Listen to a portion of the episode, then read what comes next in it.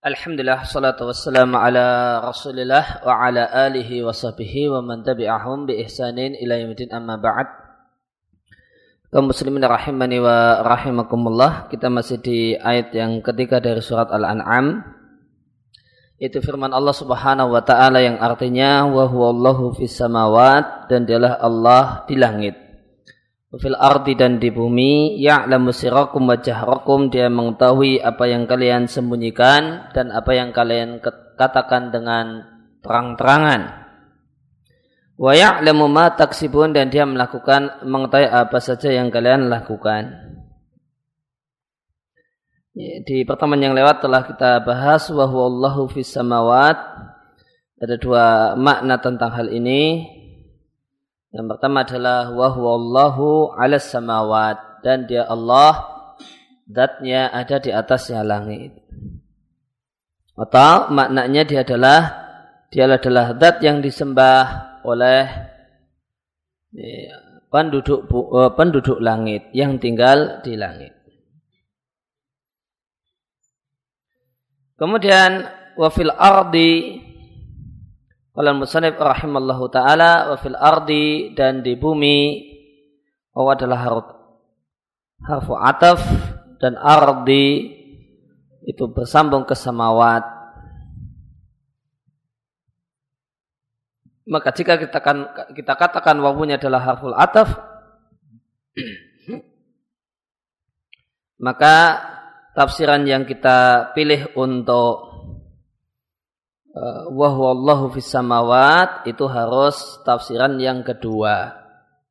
Ya kunul makna sehingga maknanya adalah ya, Allahu fis samawati wa fil ard. Allah itu adalah zat yang disembah di langit dan di bumi. Ai makluhun fis samawat wa fil ard. Dia disembah-sembah, dipuja-puja oleh makhluk yang tinggal di langit dan di bumi. Nah jika makna ayat ini seperti ini maka eh, Al-An'am ayat yang ketiga ini semakna dengan Zuhruf 84 wahwalladzi fis sama'i ilahun wa fil ardi ilah dan dia adalah zat yang menjadi sesembahan di langit dan jadi sesembahan di bumi. Dan jika kita mengikuti tafsiran ini maka tidak ada kebingungan untuk surat Al-An'am ayat yang ketiga.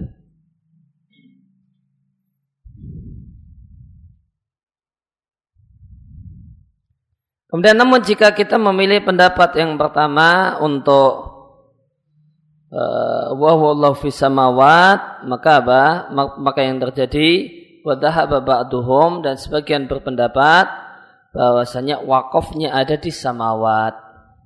Wahwallahu fis samawat di situ wakaf.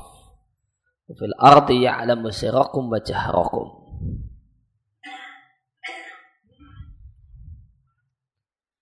Maka jika kita e, mengambil pendapat yang pertama untuk wahwallahu fis samawat yaitu wahwallahu ala samawat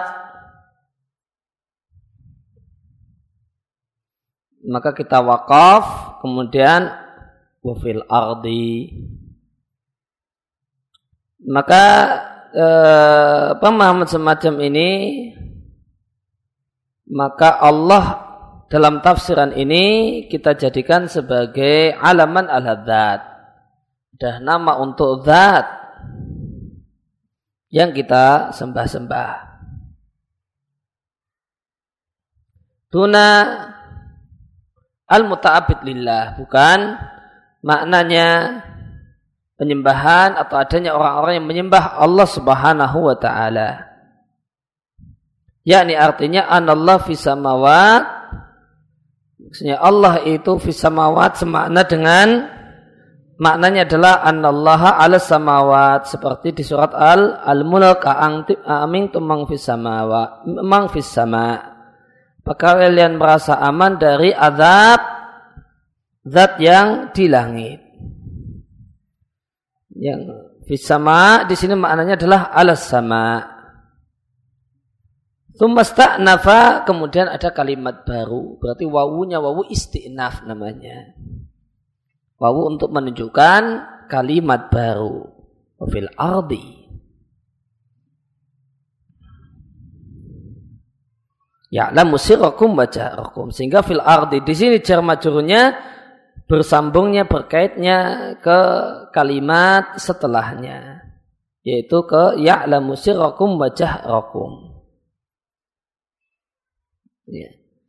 Maka untuk tafsir wafil ardi itu ada dua tafsiran. Mengikuti tafsiran wahwallahu fis samawat kita pilih yang mana? Jadi wahwallahu fis samawat itu ada dua tafsiran. tafsiran yang pertama mengatakan wahwallahu alas samawat. Dan dia Allah zatnya ada di atasnya langit. Nah, kalau kita mengikuti tafsiran ini, maka di samawat itu wakaf. Maka di, di samawat itu berhenti. Kemudian wawu wafil ardi itu wawu istinaf. Wa fil ardi ya'lamu sirrakum wa jahrakum. Ini yang pertama. Namun jika wah wallahu fis samawat itu Allah di situ kita tafsirkan dengan makluh dan dia Allah adalah zat yang disembah oleh makhluk di langit ya, maka wawunya wawu ataf wafil ardi dan disembah oleh makhluk yang ada di bumi sehingga wakafnya nanti setelah al-ardi. Wa wallahu fis samawati wa ard wakaf. Ya'lamu sirrakum wa jahrakum wa ya'lamu ma taksibun. Maka apa tafsir yang kita pilih untuk wahullahu fis samawat itu akan menentukan makna wawu untuk wafil ardi. Apakah wawu ataf ataukah wawu istinaf? Wawu ataf artinya sambung. Ataukah ini adalah wawu yang menunjukkan adanya kalimat baru. nah kalau menurut tafsiran yang pertama, namun pertama yang di sini maksudnya adalah yang tadi nomor dua yang kita sebutkan. Wahwa wahullah fis samawat wa fil ardi di dalam pengertian dan dia adalah Allah yang makluh disembah di langit dan di bumi. Maka makna ayat jelas, yaitu Allah adalah zat yang disembah di langit dan disembah-sembah oleh makhluk yang di bumi. Sebagaimana Allah pencipta langit dan bumi. Sehingga maksud ayat yang diinginkan dengan ayat menetapkan hak ibadah hak ibadah untuk Allah di langit dan di bumi. Sebagaimana ada eh, Allah memiliki hak rububiyah di awal di ayat sebelumnya. Maka di ayat sebelumnya ditetapkan Allah memiliki rububiyah di langit dan di bumi.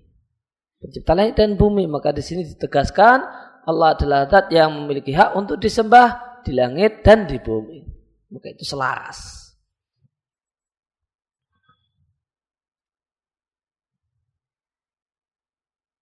Di mana dengan pengertian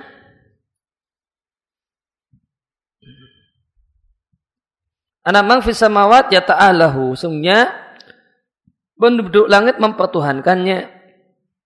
Demikian juga penduduk bumi menyembahnya. Ya. Dan dengan makna ini maka ayat ini al-6 ayat yang ketiga semakna dengan zuhruf. Eh. Semakna dengan az-zuhruf 84. Wa walladhi fis sama'i ilahun wa fil ardi ilah. Jadi adalah zat yang menjadi ilah sesembahan di langit dan sesembahan di bumi. Li'anal khalqa min muqtadayati rububiyah. Karena mencipta adalah bagian dari sifat rububiyah. Karena makna rububiyah artinya adalah Allah adalah zat yang mencipta dan memiliki serta mengatur. Wadala iskala fihi makna semacam ini tidak ada hal yang membingungkan. Jelas maknanya intinya adalah Allah adalah zat yang disembah di langit dan di bumi. Nah, ada pun tafsiran yang kedua bahwa Allahu fis sama fis samawat titik. Wa fil ardi ya'lamu sirrakum wa jaharakum. Dia adalah Allah dan azat zatnya ada di atas langit sana. Fil ardi ya'lamu sirakum wa jahrakum dan di di bumi pun Allah di bumi sekalipun Allah tahu apa yang kalian ucapkan e, secara sir, apa yang kalian katakan dengan rahasia, dengan pelan-pelan ataupun yang kalian e, ucapkan dengan suara yang lantang dan keras. Adapun menurut tafsiran yang kedua, maka makna ayatnya zat Allah fi samawat. Zat Allah ada di atasnya langit, bukan membahas man ya'luhu makhluk yang menyembahnya dan beribadah kepadanya.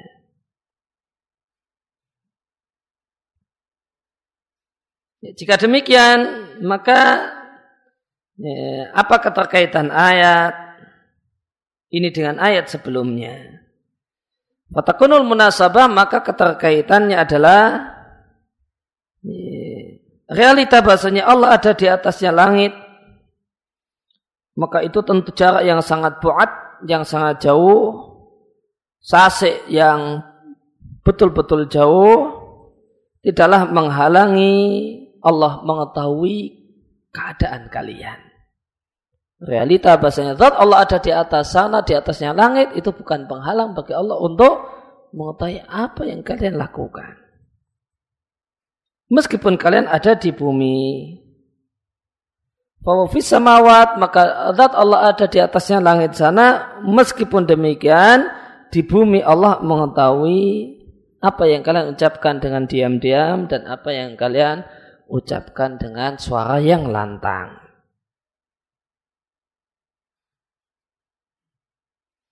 Idan maka jika uh, demikian maka untuk berdasarkan tafsiran yang kedua maka ayat ini tidak membahas uluhiyah.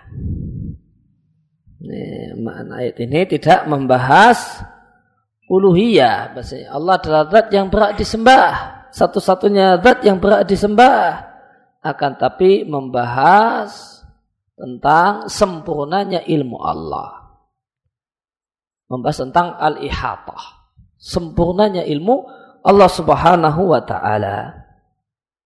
Maka meskipun dia ada di atas langit sana, di atasnya langit, apa yang diucapkan oleh manusia dengan bisik-bisik, dengan gelenak-gelenik di bumi, itu Allah mengetahuinya. Jarak yang demikian jauh tidaklah menghalangi Allah untuk bisa mengetahui secara pasti dan benar apa yang diucapkan oleh manusia yang di bumi dengan suara yang lirih dan pelan. Maka itu ini tidak membahas topiknya kalau berdasarkan tafsiran yang kedua, topiknya tidak membahas kewajiban atau hak ibadah hanya untuk Allah, namun membahas ihatatullah, bahasanya ilmu Allah itu sempurna. Allah tahu bina keadaan kita meskipun dia ada di atasnya langit sana. Nah demikian sempurnanya pengetahuan Allah Subhanahu wa taala, maka kesempurnaan e, pengetahuan Allah tersebut dijelaskan di ayat yang lain di surat Al-Mujadilah ayat yang pertama, qad sami Allahu qaulal lati tujadiluka fi zawjiha wa tashtaki ila Allah. Sungguh Allah mendengar ucapan seorang perempuan yang mendebatmu tentang suaminya. Dan dia mengadu kepada Allah atas tindakan suaminya yang melakukan zihar. Wallahu yasma'u tahawurakuma dan Allah mendengar perbincangan anda berdua. Dan telah dan e, kejadian tahawur perbincangan antara Nabi dengan perempuan itu terjadi di bumi. Dan Allah yang ada di atasnya langit sana Ya. dan Allah ada di atas langit sana namun dia mendengar pembicaraan Nabi dengan perempuan itu. Sehingga surat Al-Mujadilah ayat yang pertama ini adalah seakan-akan tafsir untuk surat Al-An'am. Maka jika ada orang yang menyampaikan, bahasanya sebagian orang yang menyimpang berkata, memiliki perkataan zat Allah itu ada di setiap tempat. Dan mereka berdalil dengan ayat semisal ini. Al-An'am ayat yang ketiga. Demikian juga berdalil dengan surat Al-Mujadilah yang mengatakan mayakunu min najwa salasatin illa huwa rabi'uhum. Tidaklah ada tiga orang yang berbisik-bisik kecuali Allah keempatnya. Tidak ada lima orang bisik-bisik kecuali Allah yang keenam. Ditambah lagi berdalil dengan sabda Nabi Shallallahu Alaihi Wasallam kondisi terdekat seorang hamba dengan Tuhannya dengan Allah Azza wa Jal adalah ketika sujud. Maka ada tiga alasan yang dibawakan oleh orang yang mengatakan zat Allah ada di mana-mana, di setiap tempat. Apa jawaban kita untuk uh, pernyataan semacam itu? Maka jawabannya adalah kita jawab dengan mudah, tidak perlu repot, nggak usah khawatir. Kita katakan Anda saat ini mengikuti ayat yang multitafsir, mutasyabih. Artinya kami akui bahasanya ayat dan dalil Anda bawakan ihtimal lima qalu. Ada sisi kemungkinan mungkin untuk mendukung apa yang Anda katakan. Namun sangat disayangkan Anda tinggalkan dalil yang sangat jelas menegaskan kalau Allah itu terpisah dengan makhluknya dan tidak menyatu dengan makhluk. Kalau Allah di mana-mana ada di bumi berarti Allah menyatu dengan makhluknya menjadi satu dengan makhluknya. Dan terdapat banyak ayat yang muhkam, yang tegas, yang tidak multi tafsir, multi makna, yang tidak punya bias makna, yang menegaskan kalau Allah itu di atas seluruh makhluknya. Jika demikian, maka anda-anda dengan sangat disayangkan termasuk manusia kelompok yang kedua. Yang Allah firmankan di surat Ali Imran ayat yang ketujuh. Yaitu orang-orang yang di dalam hatinya ada kecenderungan pada kesesatan. Sehingga mencari-cari ayat-ayat yang multi, yang bias makna, yang multi tafsir, yang ambigu untuk dijadikan sebagai dalil karet yang bisa diseret-seret. Namun jika ada yang mengatakan apa komentar Anda tentang firman Allah dalam ayat yang mengatakan dengan dalam ayat ini dan dia Allah di langit dan di bumi.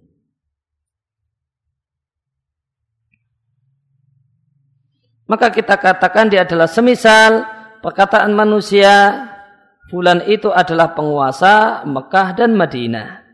Artinya kekuasaannya ada di Mekah dan Madinah. Bukan art, eh, dalam bahasa Arab, fulanun amirun di Mekah wal Madinah. Bukanlah maknanya dia sendiri ada di Mekah sekaligus di Madinah. Tentu orang ini ada di Mekah sekaligus di Madinah mustahil. Eh, kecuali jika dia punya ilmu apa eh, sehingga wow, kata orang yang percaya klenik tentunya. Dan Maka jika demikian makna yang dimaksudkan bahasanya uluyah Allah, hak Allah untuk disembah itu ada di langit dan di bumi. Namun makna ayat bukanlah zat Allah di langit sekaligus di bumi. Demikian juga ayat-ayat yang mengatakan bahasanya Allah bersama manusia, maka kami katakan yang namanya kebersamaan tidaklah bertentangan dengan realita kalau dia ada di atas sana. Dan hal ini satu hal yang berlaku di makhluk. La tatanafa mal ului maka kebersamaan tidak bertentangan dengan realita bahasanya dia ada di atas sana. Maka dalam bahasa Arab Orang Arab punya kalimat mazilna nasiru wal kumaru ma'ana. Kami kami terus berjalan dan rembulan bersama kami. Atau mengatakan mazilna, mazilna nasir kami terus berjalan dan kutub bersama kami. Dan ini adalah perkataan yang boleh menurut bahasa Arab bahkan perkataan yang ra'id yang laris yang biasa dikatakan. Maka semisal itu, berapapun kita berbisi-bisi, Allah bersama kita. Maka yang dimaksud Allah bersama kita, Allah mengetahui kita meskipun kita posisinya jauh dari zatnya. Maka jika satu hal yang mungkin di atas sekaligus bersama itu satu hal yang mungkin untuk makhluk, maka mungkinnya hal tersebut untuk sang pencipta mimba bil aula. Maka jika ada yang mengatakan apa hukum ungkapan orang-orang yang menyimpang yang mengatakan Allah itu ada di setiap tempat.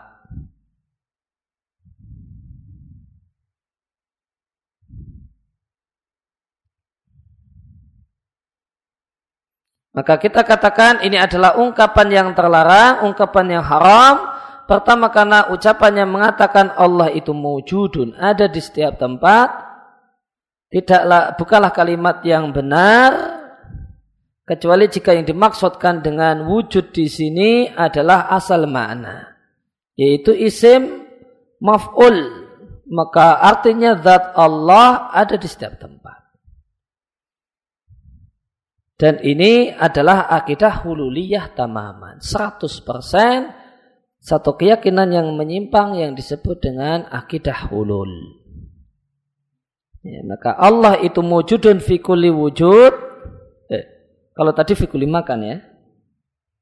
Yang tadi kita bahas yang sudah selesai tadi Allah mujudun fikul makan.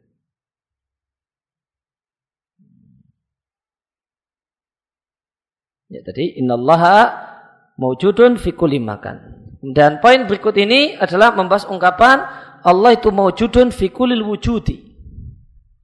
Allah itu ada di setiap benda yang ada. Maka kalimat ini bukanlah kalimat yang benar kecuali wujud. Fikulil wujud di sini maknanya mewujud. Allah mewujudun fikuli mewujud. Allah itu ada pada diri setiap makhluknya. Setiap makhluk, setiap yang ada. Mau batu, mau pohon, mau akik, mau keris. Di situ ada Allah. Sehingga maknanya fayakunu Allahu mawjudan fi makan. Sehingga maknanya Allah itu ada di setiap tempat dan ini adalah ungkapan ini Allah mawjudun fi kullil wujud itu adalah tamaman 100% akidah hulul. Yang mengatakan bahasanya Allah itu yang mengatakan bahasanya di dunia ini tidak ada wujud kecuali wujud Allah. Apa pun yang Anda lihat itulah Allah. Karena Allah ada di situ.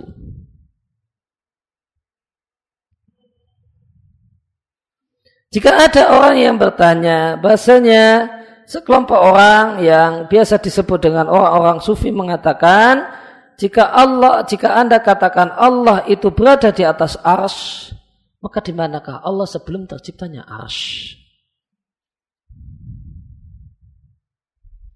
Maka jawabannya para sahabat telah tanyakan hal ini pada Nabi. Ini sudah kita cukupkan dengan jawaban Nabi. Selesai. Nah, dan Nabi telah jawab dan jawaban beliau karena fi fi ama. Diatkan oleh Tirmidzi, ya, kata Tirmidzi, qala hasanun sahih. Juga diatkan oleh Ibnu Majah dan Imam Ahmad. Artinya Allah fi ama wal ama al ghaim al khafif. Awan yang tipis atau sahab al khafif, awan yang tipis yang ada di atas. Maka kita jawab dengan apa yang Nabi jawab dan selesai. Wahaulai kulluhum dan mereka semua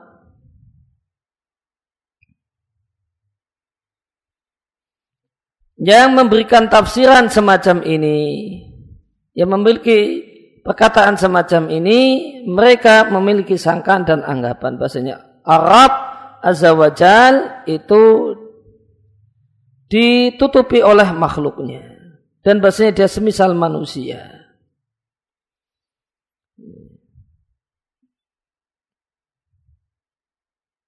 Mungkin seandainya ya, mereka mengagungkan Allah dengan sebenar-benarnya dan mereka menyadari bahasanya Arab Azza wa itu zatnya lebih besar daripada segala sesuatu. La mungkin maka tidak mungkin bagi eh, siapa pun untuk membayangkannya. Maka orang yang mengatakan di setiap wujud itu ada Allah. Akidah yang tadi disebut hulul. Ini tidak akan dikatakan kecuali orang yang punya anggapan bahasanya zat Allah diliputi oleh makhluknya. Di batu itu ada Allah. Maka berarti batu itu lebih besar daripada Allah itu sendiri. Dan dia samakan Allah subhanahu wa ta'ala dengan manusia. Ini itu pikiran yang ada di pikiran mereka. Menganggap bahasanya Allah diliputi oleh makhluknya. Nah, seandainya mereka mengagungkan Allah dengan sebenar-benarnya, mereka akan sadar bahasanya Allah Azza wa Jal, zatnya lebih besar daripada segala sesuatu. Dari seluruh makhluknya. Sehingga tidak mungkin orang itu bisa membayangkan Allah ya, wujud fi wujud. Allah itu wujud di pohon, di batu, keris, akik dan sebagainya. Itu gimana? Bayangkan saja nggak bisa. Nah, karena dia mengimani Allah Subhanahu wa taala akbar min kulli syai. Wa Ibnu Abbas maka dalam hal ini Ibnu Abbas radhiallahu anhu memiliki ungkapan yang indah beliau mengatakan pikirkanlah nikmat-nikmat Allah dan kalian jangan bercapek-capek memikirkan zat Allah Subhanahu wa taala. Diatkan oleh Abu Syekh Tabrani di Mu'jam Awsat, Al-Laqi di uh, Usul Sunnah.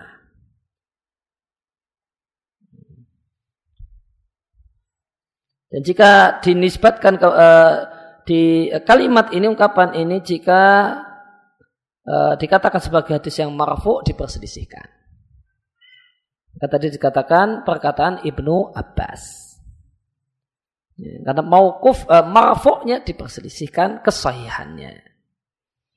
Hmm. Kalau dinisbatkan sebagai hadis Nabi Shallallahu Alaihi Wasallam, maka sebagian ulama menilai daif. Al Hafidh Al Iraqi di Takhid Ihya menilainya sebagai hadis yang daif. Nah, Al Albani di silsilah sahihah menghasankannya menilainya hadis yang hasan. Ala hal itu perkataan indah dari Ibnu Abbas, ya, satu nasihat yang bagus. Ya. Tidaklah uh, orang lebih banyak memikirkan uh, nikmat Allah Subhanahu wa taala apakah kita telah syukur dengan baik ataukah tidak. Adapun memikirkan zat Allah Subhanahu wa taala maka adalah sebagaimana apa yang dikatakan Mas Titik. Nggak usah kemudian berandai-andai lagi begini dan begitu. Ya alam musirakum bajaharakum. Allah mengetahui apa yang kalian sembunyikan. Dia ambil kata-kata isra. Isra atau sir dalam bahasa Arab itu ada dua macam. Yang pertama adalah israrun finapsi. Disembunyikan di dalam hati. Artinya tidak diceritakan. Atau isron ma'al ghair disembunyikan namun barang dengan orang lain alias bisik-bisik. Orang Jawa bilang gelenak-gelenik. Nah. Maka contohnya jika ada seorang itu berdialog dengan dirinya sendiri. Maka ini yang disebut dengan israr ma'an nafsi. Menyembunyikan dalam dirinya sendiri. Namun jika dia uh, berkata-kata pada orang lain dengan siron, ya, dengan rahasia, Eh, dengan rahasia sehingga tidak didengar orang ada yang di sampingnya maka ini inilah yang disebut dengan israr ma'al ghair ya. sir rahasia dengan orang lain Nah karena itu membaca Al-Quran dalam sholat dur dan asar itu kita sebut bacaan Syria. Bukan berarti cuma dibatin di dalam hati, pada uh, namun diucapkan dan diperdengarkan pada diri sendiri dan tidak diperdengarkan pada orang lain. Sebagaimana kita dalam bahasa Arab, ye, perkataan yang ada di dalam hati, obrolan hati dengan diri sendiri itu juga disebut sir. Maka apa yang dimaksud dengan sir dalam ayat ini? Jawabannya sir dalam ayat ini mencakup dua makna tadi dua-duanya. Maka sungguh Allah mengetahui apa yang kita sembunyikan dalam hati kita dan tidak kita ungkapkan pada siapa pun sebagaimana Allah tahu apa yang kita ceritakan pada orang lain dengan bisik-bisik sehingga tidak didengar oleh pihak-pihak ketiga. Wajah hukum dan Allah mengetahui apa yang kalian ungkapkan dengan lantang. Yang kalian ungkapkan dengan keras dan kalian umumkan. Waya'lamu ma taksibun. Dan Allah mengetahui apa saja yang kalian lakukan. Maka Allah mengetahui perbuatan kalian baik ataukah jelek. Perbuatan berkaitan dengan aktivitas agama ataupun dunia.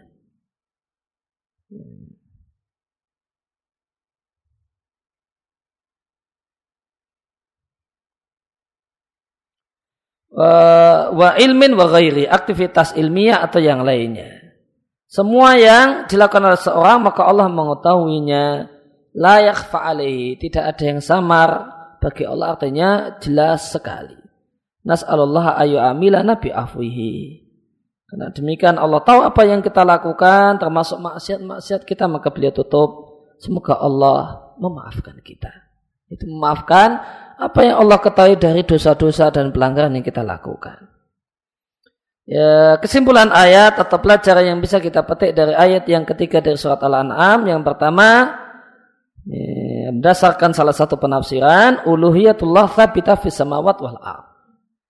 Ya, hak Allah untuk disembah itu berlaku di langit dan di bumi. Dia dipertuhankan dan disembah-sembah oleh makhluk di langit dan makhluk di bumi. Wa wallahu fis samawati wa fil ardi. Kemudian yang kedua Allah mengetahui apa yang ya, disembunyikan dan apa yang ya, diungkapkan dengan suara lantang. Maka Allah tahu apa yang disembunyikan oleh seseorang dan apa yang dia ucapkan dengan suara yang keras. Dan israr itu ada dua macam, terkadang artinya Eh, merahasiakan dalam hati dan terkadang artinya membeberkan rahasia bersama orang lain dengan pembeberan yang bersifat khusus dengan ya, empat mata ya, dan mojok dan seterusnya. Dan yang dimaksud dengan jahar adalah al-i'lan adalah vulgar, terang-terangan, Ya, Allah tidak samar bagi siapa pun. Semua orang tahu. Kemudian ayat ini menunjukkan umum ilmillah. Ilmu Allah itu bersifat menyeluruh. Semuanya masuk dalam ilmu Allah subhanahu wa ta'ala. Ya'lamu sirkum Allah mengetahui rahasia kalian ini mencakup pada semua orang. Ya. Ayat yang semakna dengan ayat ini adalah surat Toha ayat 98. Allah la ilahu wasi'akulla syai'in ilma. Ilmu Allah meliputi segala sesuatu. Dan ayat tentang pesan semacam ini sangatlah banyak dalam Al-Quran. Ya. Kemudian faedah yang keempat, atau pelajaran yang keempat jika kita tahu dan sadar Allah mengetahui apa yang kita sembunyikan ataupun yang kita ucapkan dengan kalimat yang lantang. Maka pengetahuan ini adalah mayatarattab ala imanina. Harus berdampak pada keimanan kita. Itu kita uh, yeah. maka dampak dari keimanan kita kalau Allah mengetahui rahasia dan suara yang keras maka keimanan kita dengan hal ini mengharuskan kita untuk tidak menyelisihi aturan Allah Azza wa Jalla mengharuskan kita untuk tidak berani meninggalkan yang wajib atau melakukan maksiat. Karena kita sadar sepenuh hati bahasanya Allah mengetahui tindak tanduk kita. Maka seandainya kesadaran kita tadi tidak membuahkan buah ini satu buah yang sangat bernilai, niscaya pengetahuan kita bahasanya Allah mengetahui segala sesuatu tidak ada manfaatnya. Maka permasalahan semacam ini satu hal yang patut untuk diingatkan. Karena banyak orang tidak memperhatikan fawaid maslakiyah. Faedah berkaitan dengan perilaku yang merupakan buah dari iman dengan nama dan sifat Allah. Maka banyak kajian tentang nama dan sifat Allah berhenti di ilmu teoritis, itu kata beliau. Banyak pembahasan tentang nama dan sifat Allah berhenti di ilmu teoritis. Sekedar teori. Padahal harusnya tidak berhenti di situ. Pelajaran tentang nama dan sifat Allah harus juga apa buahnya kalau kita mengimani Allah itu begini dan begitu. Padahal faedah maslakiyah, ya, manfaat perilaku dari pelajaran tentang nama dan sifat Allah satu hal yang tidak boleh tidak harus ada. Ya, karena inilah buahnya. Maka jika kita menyadari Allah mengetahui apa yang kita rahasiakan atau yang kita katakan dengan terus terang, maka harusnya kita malu kepada Allah. Maka kita boleh berbuat maksiat namun cari tempat yang di mana Allah tidak tahu. Nah. Maksiat tidak terlarang, namun di tempat yang Allah tidak tahu. Nah, di manakah itu? Tidak ada. Ya sudah. Tidak ada tempat yang layak untuk jadikan tempat bermaksiat kepada Allah Azza wa. Sehingga karena kita malu kepada Allah, maka kita tidak tinggalkan apa yang Allah wajibkan dan tidak kita terjang Allah yang apa yang Allah haramkan. Kemudian uh, pelajaran berikutnya Allah tabaraka taala mengetahui apa yang kita lakukan. Amal-amal yang kita kerjakan baik aktivitas duniawi ataupun aktivitas ukhrawi Allah mengetahuinya dan tidaklah samar bagi Allah. Uh, dampak atau buah dari pengetahuan ini kalau begitu jangan kita melakukan sesuatu yang Allah haramkan bagi kita atau atas kita. Kemudian kita lanjutkan dengan ayat yang keempat dari surat Al-An'am yaitu firman Allah Azza wa Jalla wa ma min ayatin min ayati rabbihim. Tidaklah datang ya, satu ayat Allah ayat Rabb mereka pada mereka ila kanu anha mu'ridin kecuali mereka berpaling dengan ayat Allah. Wa ma di sini adalah ma yang artinya tidak. Min ayatin min di sini dalam ilmu nahwu statusnya zaidah tambahan. Namun ingat itu adalah tambahan dari sisi i'rab dan bukan tambahan dari sisi makna, tetap mengandung makna. Karena maknanya adalah taukidun nafi, menegaskan dan mempertegas peniadaan. Dan ini adalah faedah untuk semua zaidah. Semua zaidah maknanya adalah uh, taukid.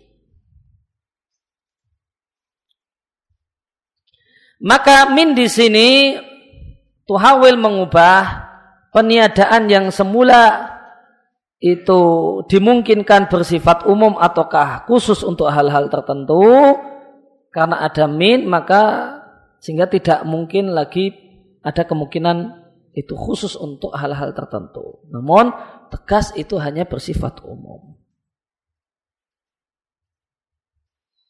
Maka min di sini mengubah kalimat negasi yang ada di sini menjadi kalimat nas tegas meniadakan secara umum. Sehingga jadinya ma ya, peniadaan kalau dengan ma itu kan boleh keseluruhan dan boleh tidak. Loh. Ma yang peniadaan keseluruhan dalam bahasa Arab disebut nafiyah lil jinsi. Pakai la. La nafiyah lil jinsi. Gara-gara ada zaidah min, tambahan min, maka ma di sini menjadi semakna dengan la nafiyah lil jinsi. Peniadaan secara umum. Fa innaha nasun fil umum. Maka ini menjadi maka la nafiyah lil jinsi adalah kalimat tegas kalau yang ditiadakan adalah bersifat total dan menyeluruh. Kalau kita mau i'rab maka min harfu jar zaid i'raban. Tambahan secara i'rab. Ayatin fa'ilnya ta'ti marfu' dengan dhammah muqaddarah pada akhirnya. Yang menghalangi kemunculannya istighalul mahal biharkatil harfi az-zaid. Kenapa dia fa'il? Kenapa enggak tun namun min ayatin tadi? Karena istighalul mahal di situ ya, mahalnya sibuk dengan harokat yang dituntut oleh huruf zaid yang dituntut oleh min zaidah I'rab yang semisal dalam firman Allah Ta'ala antakulu maja'ana min basyir walan nadir kalian mengatakan tidaklah datang kepada kami seorang pun utusan yang memberi kabar gembira ataupun ancaman. Maka minnya min basyirin wala nadhir adalah zaidah dari sisi i'rab. Bashir demikian juga nadhir fa'il marfu dengan domah muqaddarah pada akhirnya namun domahnya tidak muncul karena istirolul mahal bi harokati harfil jar az-zaid. Min ayatin tidaklah datang satupun ayat. Ayat makna asalnya dalam bahasa Arab adalah al-alamah tanda. Namun ayat di sini maksudnya adalah tanda yang bersifat khusus. Karena yang dimaksud dengan ayat di sini adalah nasan fidalala. Adalah kata tegas memuat pesan tegas akan pesan yang diinginkan. Karena yang namanya tanda itu akalu dalik. Itu tidak bersifat tegas. Yang namanya tanda itu bisa jadi iya, bisa jadi tidak ini tanda ria itu artinya tidak menegaskan itu mesti ria pelakunya. Setiap orang yang ada tanda ini 100% dia pasti ria tidak. Hmm. ini karena cuma sekedar tanda. Tanda itu tidak bersifat memastikan. Itu makna asalnya. Makna asal dari ayah atau tanda. Namun ayah dalam dalam kalimat ini adalah bersifat memastikan. Walakin al ayat namun ayat di sini adalah kata tegas atau mengandung muatan tegas kalau itu adalah tanda untuk sesuatu yang dia menjadi tanda untuknya. Dan ayat Allah Azza wa Jal itu terbagi menjadi dua macam, ayat kauniyah yaitu makhluk dan ayat syariah yaitu berbagai macam aturan yang Allah tetapkan dalam syariat yang nanti akan dibahas lebih lanjut di kandungan ayat. Ya, demikian yang kita baca kesempatan malam hari ini. Wassallallahu ala nabiyina Muhammadin. Subhanaka Allahumma wa bihamdika asyhadu illa anta astaghfiruka.